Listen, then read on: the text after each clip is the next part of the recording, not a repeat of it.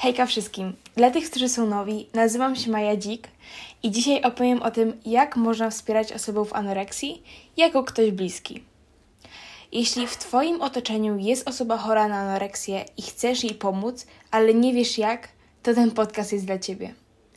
Jeśli jednak jesteś osobą chorą i potrzebujesz wsparcia u osób bliskich, jednak nie wiesz jak im to powiedzieć, to zachęcam Cię, abyś pokazała im ten odcinek. Wszystkie rady oczywiście będą oparte tylko i wyłącznie na moim doświadczeniu. Uważam, że jest to bardzo ważny temat, ponieważ nie każdy zdaje sobie sprawę, jak poważną chorobą jest anoreksja. Niektórzy uważają, że osoby chore coś sobie uroiły w głowie i specjalnie nie jedzą, żeby komuś zrobić na złość. W rzeczywistości jednak jest inaczej. Fakt. Choroba poniekąd jest z wyboru, ale tylko na początku. Dlaczego? Bo jednak decydujemy o tym, że w pewnym momencie chcemy zrzucić kilogram lub dwa. Jednak z czasem tracimy tym wszystkim kontrolę i przejmuje ją anoreksja. Wtedy nie jesteśmy w stanie sobie sami pomóc i tkwimy w tych chorych zachowaniach i co by nie powiedzieć, w niebezpieczeństwie. A dlaczego w niebezpieczeństwie?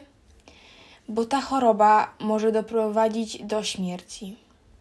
Dlatego tak mi zależy, żeby uświadomić osoby, które przebywają z osobą chorą, że anoreksja to straszna choroba i my, jako bliscy, powinniśmy zrobić co w naszej mocy, aby uchronić tę osobę od śmierci i pomóc jej odzyskać dawny uśmiech na twarzy, zdrowe ciało i przede wszystkim zdrową głowę.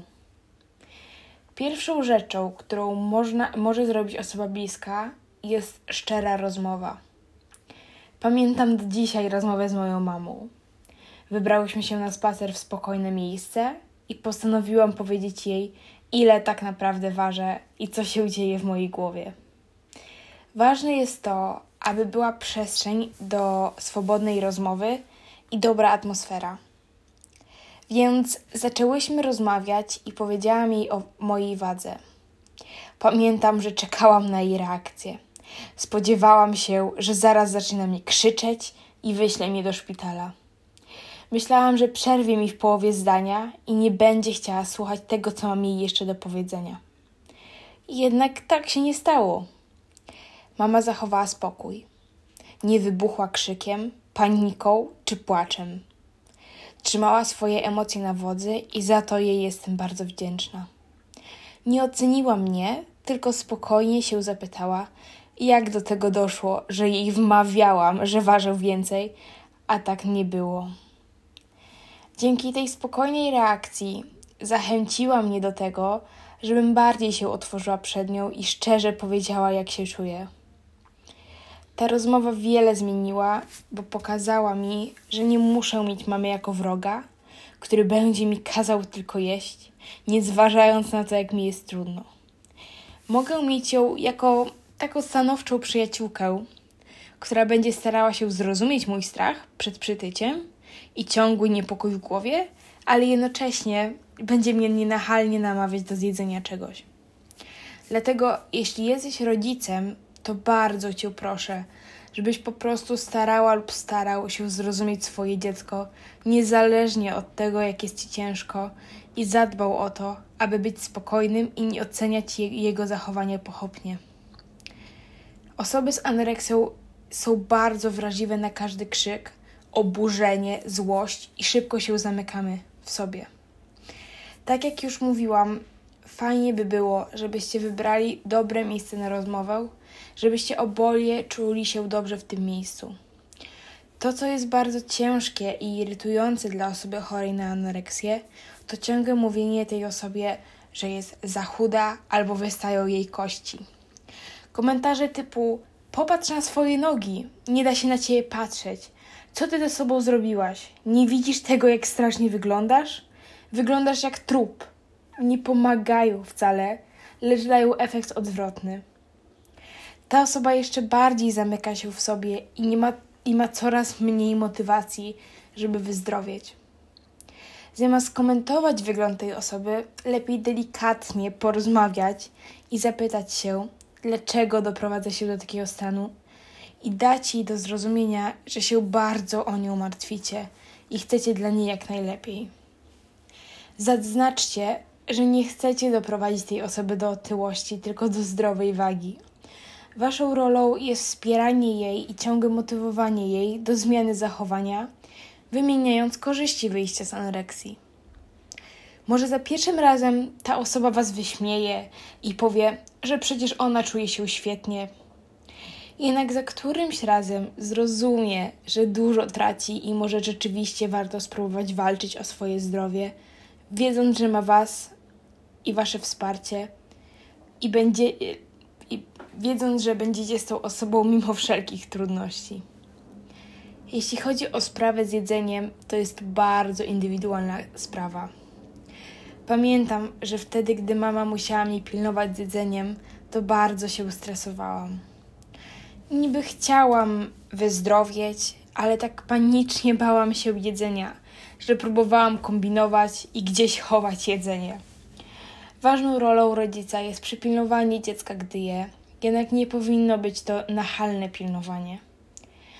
Ja, jako osoba z anoreksją, bardzo nie lubiłam, jak mama siedziała ze mną przy stole, ledwie 30 cm ode mnie, zaglądając mi w talerz.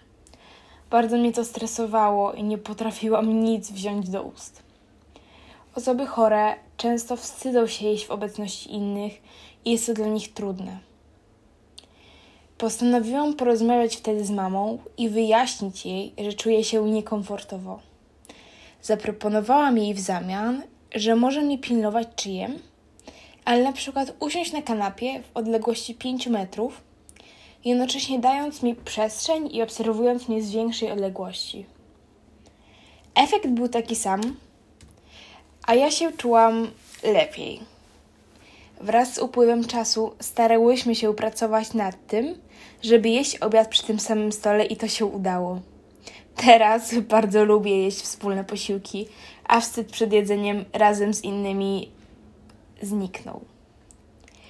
Osoby chore zazwyczaj mają bardzo niską samoocenę i potrzebują słów, słów wsparcia i motywacji.